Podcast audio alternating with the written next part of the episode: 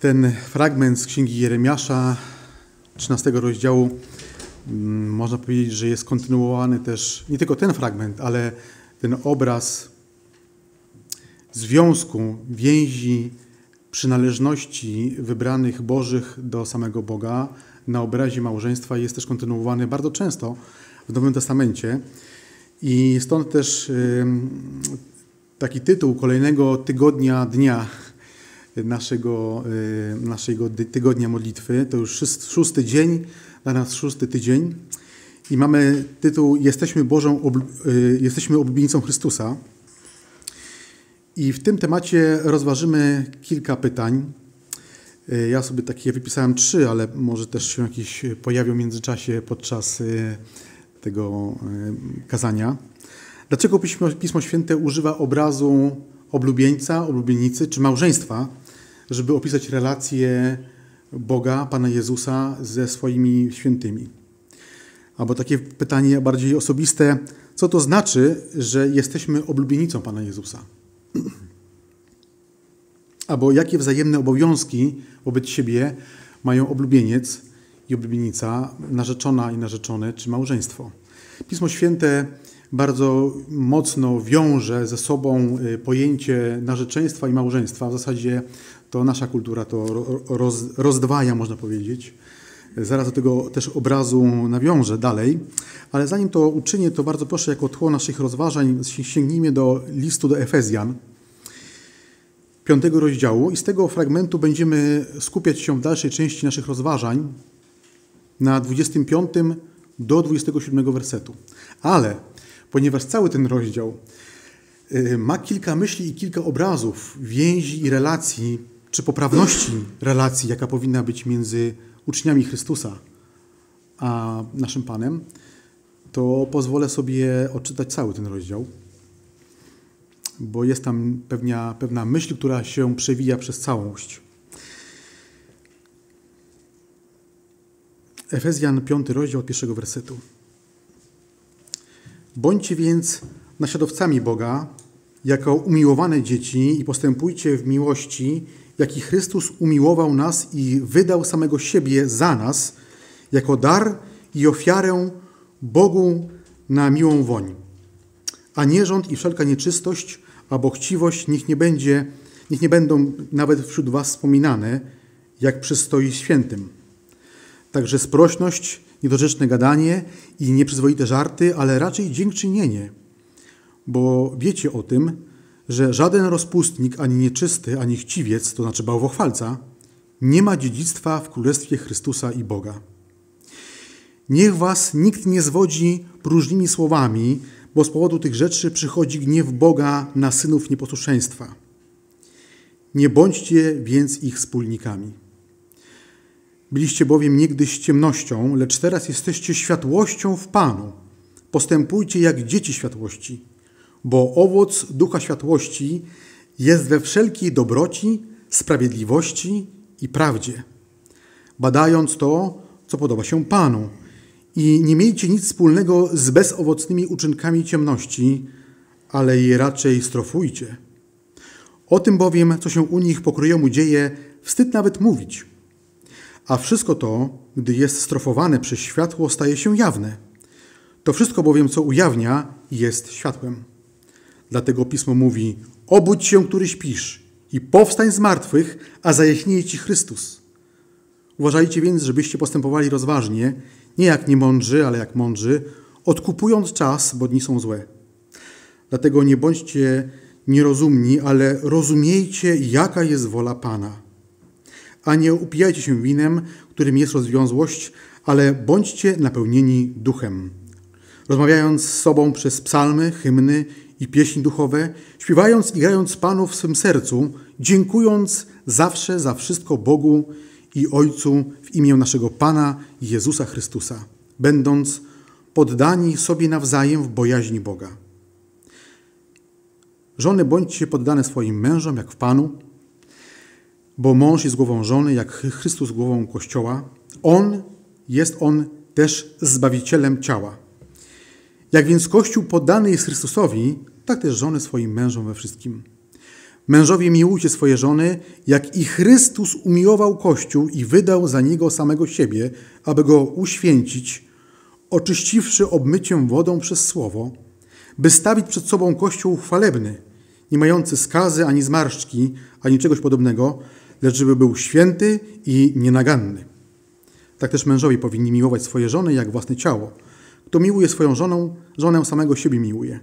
Nikt bowiem nigdy nie miał w nienawiści swego ciała, ale je żywi i pielęgnuje, jak i Pan Kościół. Gdyż jesteśmy członkami Jego ciała, z ciała Jego i z kości Jego.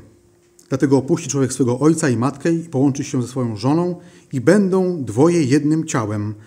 Tajemnica to wielka, lecz ja mówię w odniesieniu do Chrystusa i Kościoła.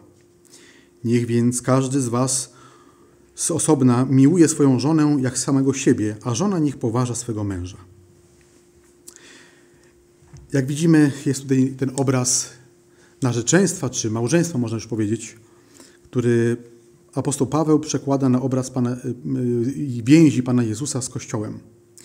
I z uwagi na problemy, które były w Efezie, wewnętrzne problemy, one były związane między innymi z tym, że tam też byli y, bracia, chrześcijanie, takich nazywam, bo takich nazywa Pismo Święte, ale chodzi mi o Hymeneusza i Aleksandra, którzy szerzyli fałszywe nauki i Paweł musiał się z tym zmierzyć. To były takie wewnętrzne problemy tego kościoła w Efezie, ale zewnętrznie też nie było dobrze.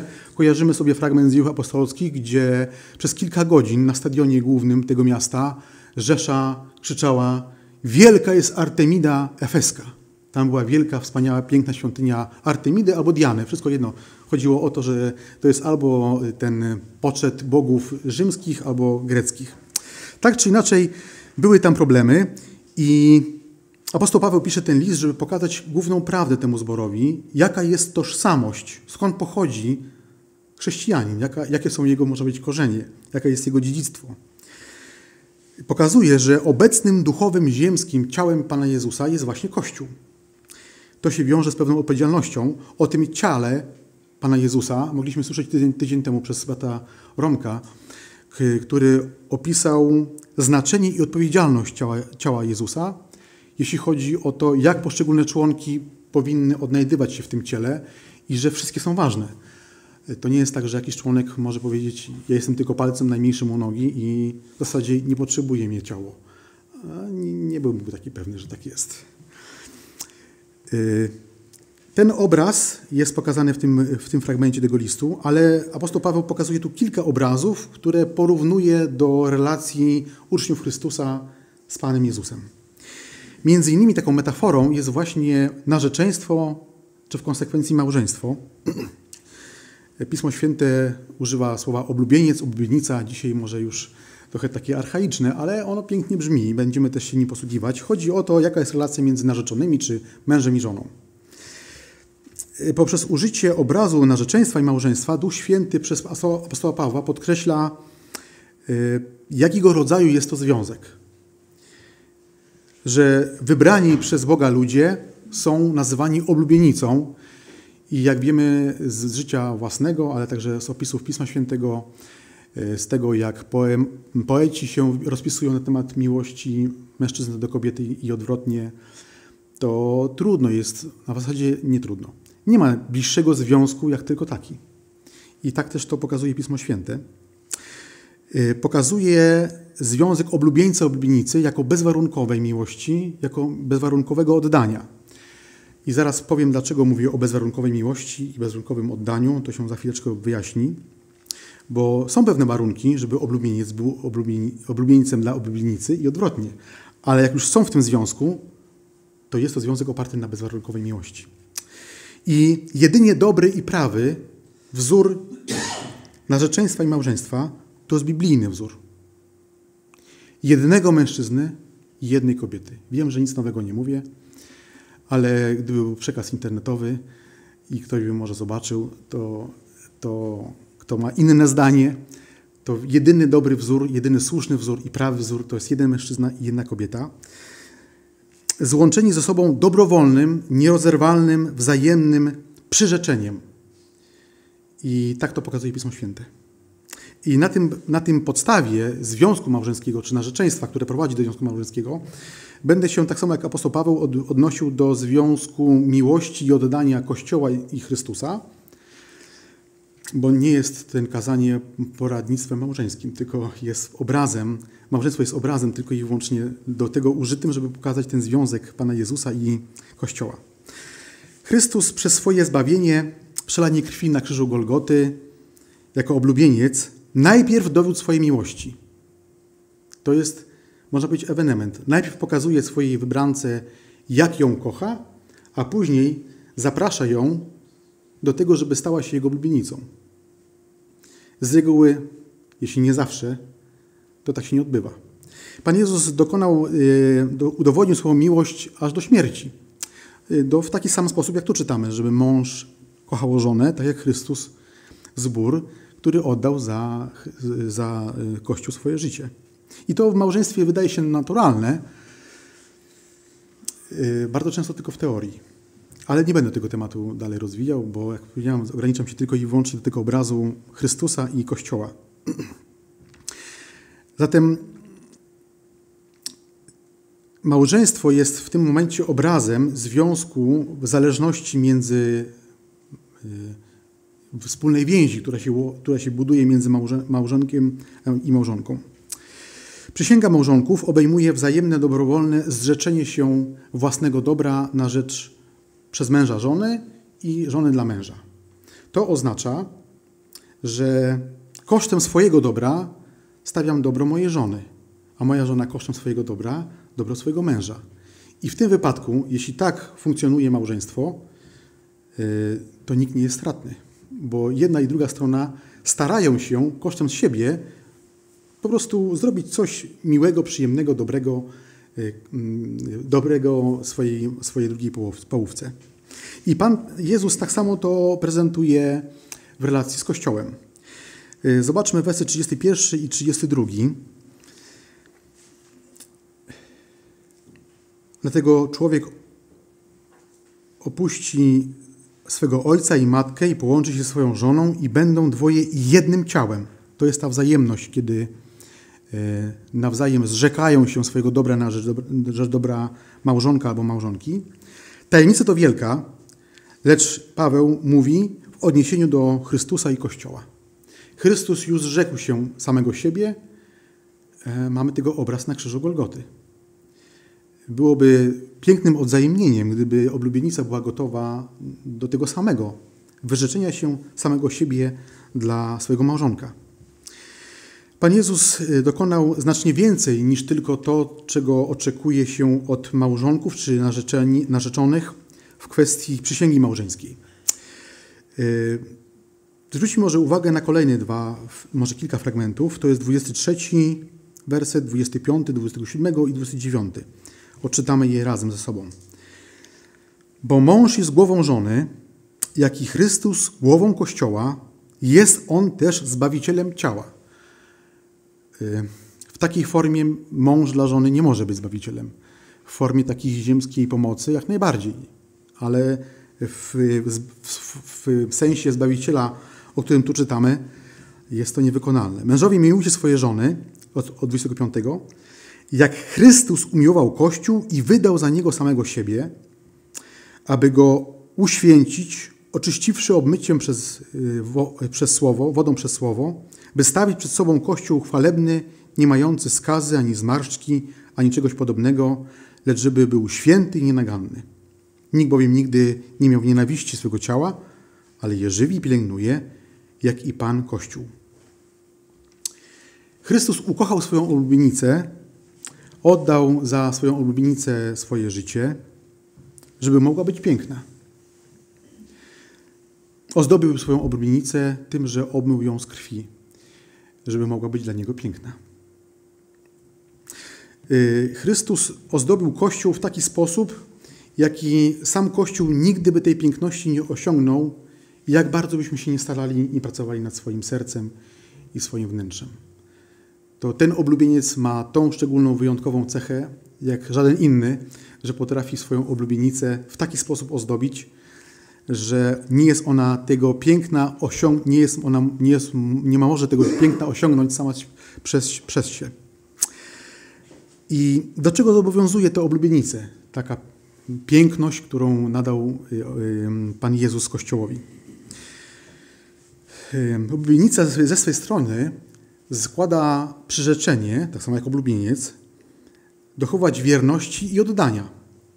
Z tym, że oblubieniec już dotrzymał tego słowa, teraz oczekuje tego samego od oblubienicy. W wersecie 22 czytamy tego fragment tego wersetu. Żony, bądźcie poddane swoim mężom. Jeśli powiemy tutaj, y, zamienimy te słowa w tej metaforze, że Kościół będzie poddany swojemu mężowi, Panu Jezusowi, to widzimy obraz tego, czego oczekuje Bóg, czego oczekuje Pan Jezus od Kościoła. I tak jak to bywa między dwojgiem ludzi, że mówi się, że dwoje ludzi są posłowie, tak? Czyli są zaręczeni. I narzeczeństwo to czas y, przygotowania, wyczekiwania, przystrajania się do zaślubin. I pozwólcie, że tutaj odnoszę, odnoszę się pokrótce do tego obrazu, inaczej, rzeczywistości, w której żył apostoł Paweł, czy również Pan Jezus. Chodziło o tą rzeczywistość zaślubin y, z kultury czy z zwyczajów żydowskich. Zapewne znacie, jak to się odbywało, ale dwa słowa tutaj podpowiem. Mianowicie, zazwyczaj były te związki kojarzone przez rodziców, ale nie w taki filmowy sposób, że y, ci młodzi ludzie kochali kogoś innego, a rodzice na siłę ich z kimś innym łączyli. Być może takie związki też były, ale mądrzy Izraelici robili to zupełnie inaczej. I ci, którzy szukali Pana. Takie rodziny bardzo często się, były gdzieś w jednej miejscowości albo, albo gdzieś w, w okręgu swoim, bardzo blisko siebie. I ci młodzi najczęściej, bardzo często może, znali się już wcześniej. Może się bawili, gdzieś się spotykali na jakichś świętach.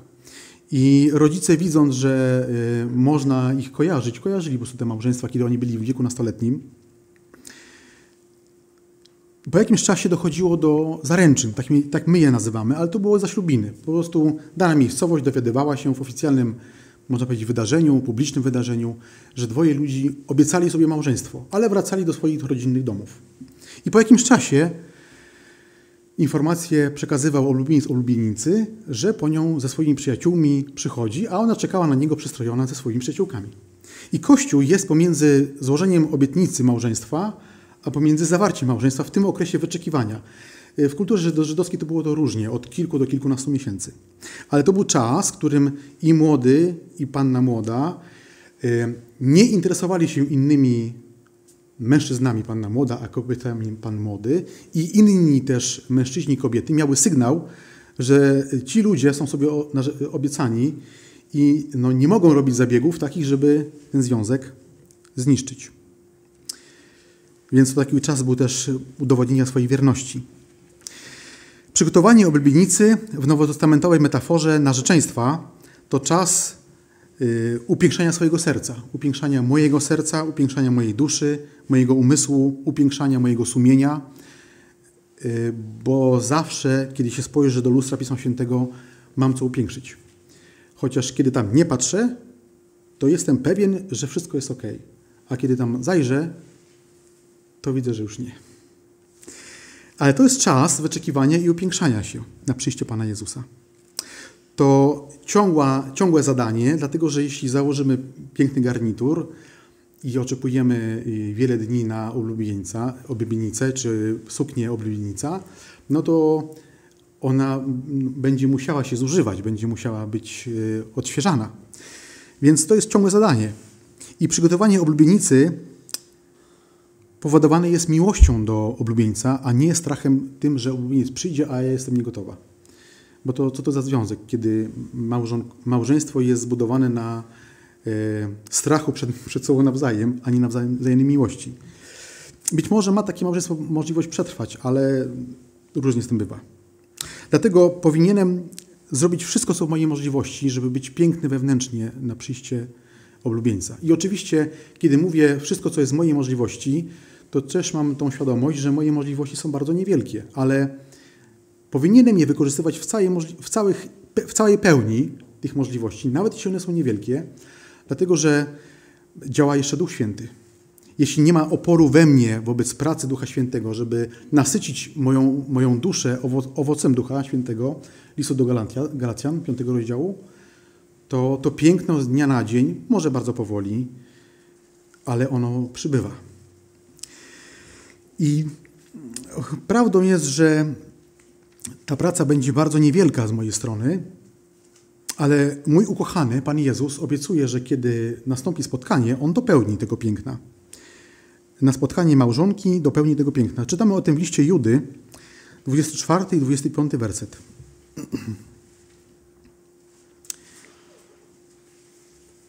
A temu, który może was ustrzec od upadku i z radością przedstawić jako nienagannych przed obliczem swojej chwały, jedynemu mądremu Bogu, naszemu Zbawicielowi, niech będzie chwała i majestat, moc i władza teraz i po wieczne wieki. Amen. I Nowy Testament, Nowe Przymierze wzywa chrześcijan do wołania, y, w wielu przekładach jest to słowo maranata, tak, przyjdź Panie Jezu. Czy inna forma tego tłumaczenia to przyjdzie Pan Jezus, jakoś też tak można to oddać. I cały Kościół, można powiedzieć, że z utęsknieniem tego dnia oczekuje. Oblubienica Chrystusa z tęsknotą wyczekuje tego momentu, kiedy ukochany przyjdzie. A ostatnia mm, księga biblijna, Księga Objawienia, pokazuje już moment, w którym oblubienica jest gotowa, przygotowała się, przystroiła się i następuje małżeństwo. 19 rozdział od 6 do 9 wersetu. I usłyszałem jakby głos wielkiego tłumu, jakby głos wielu wód, i jak głos potężnych gromów mówiący: Alleluja, bo objął królestwo Pan Bóg Wszechmogący. Cieszmy się i radujmy i oddajmy mu chwałę, bo nadeszło wesele baranka i jego małżonka się przygotowała. I dano jej ubrać się w bisior czysty i lśniący, bo bisior to sprawiedliwość świętych. I powiedział mi, napisz, błogosławieni, którzy są wezwani na ucztę weselną baranka. I powiedział mi, to są prawdziwe słowa Boga. Więc tego momentu, w którym przyjdzie Pan Jezus na zaślubinę oblubienicy, y, którą ma możliwość być każdy chrześcijanin, który jest narodzony z ducha, który każdego dnia stara się oczyszczać i przeozdabiać dla swojego oblubieńca, ten dzień jest pewny. Werset dziewiąty anioł poprosi, aby Jan zapisał, to są prawdziwe słowa Boga. Boga, słowa Boga wszystkie są prawdziwe, ale On chce, żeby On jeszcze je potwierdził, że one są prawdziwe, więc tak się stanie, y, bo tak obiecuje Pan Bóg. I w zasadzie to jest cały obraz y, w tym krótkim rozważaniu, mm, który mieliśmy z listu do Efezjan, oblubieńcy i oblubieńca. Oblubieniec y, zrealizował wszystko, co do tej pory obiecał. Tym, tą realizacją końcową będzie wesele, zadaniem oblubienicy jest się każdego dnia upiększać, żeby być gotowym na przyjście oblubienicy z wezwaniem przyjdź Panie Jezu. Amen. Teraz e, przejdziemy do planszy z tematami do modlitwy. O. Módlmy się o służbę ewangelizacyjną w Izraelu i o wspólnoty mesjanistyczne, pracę misjonarską na terenie autonomii palestyńskiej to o tym, o czym mówiliśmy i brat y, też Romek mówił o, z księgi Jeremiasza, że Pan Bóg się upomni o nich. Modlimy się o ośrodki rekolekcyjno-wychowawcze, wypoczynkowe y, w Kech, o świece, Ognicy, Kunowie i Teodorowie, chrześcijańską misję, szkołę misyjną w Ruptawie oraz o czasopismo Głos Ewangeliczny. Ja tylko rzucę okiem, czy mam E, w kontekście modlitwy zboru to samo, co jest na planszy. Mam to samo. E, o zebranie członkowskie to w przyszłym tygodniu i wiem, że jest połączone z wyborami, tak? Więc e, to moje pierwsze wybory, będąc w kościele. Znaczy jako uczestnik tego takiego spotkania. To 20 lutego 19 lutego y, patrzę na brata Sławka, tak, y, będą goście. To też y, o gości, którzy przyjdą, będą też mieli możliwość chociażby w takim niewielkim stopniu usłyszeć Ewangelię, aby mogli poznać Pana Jezusa.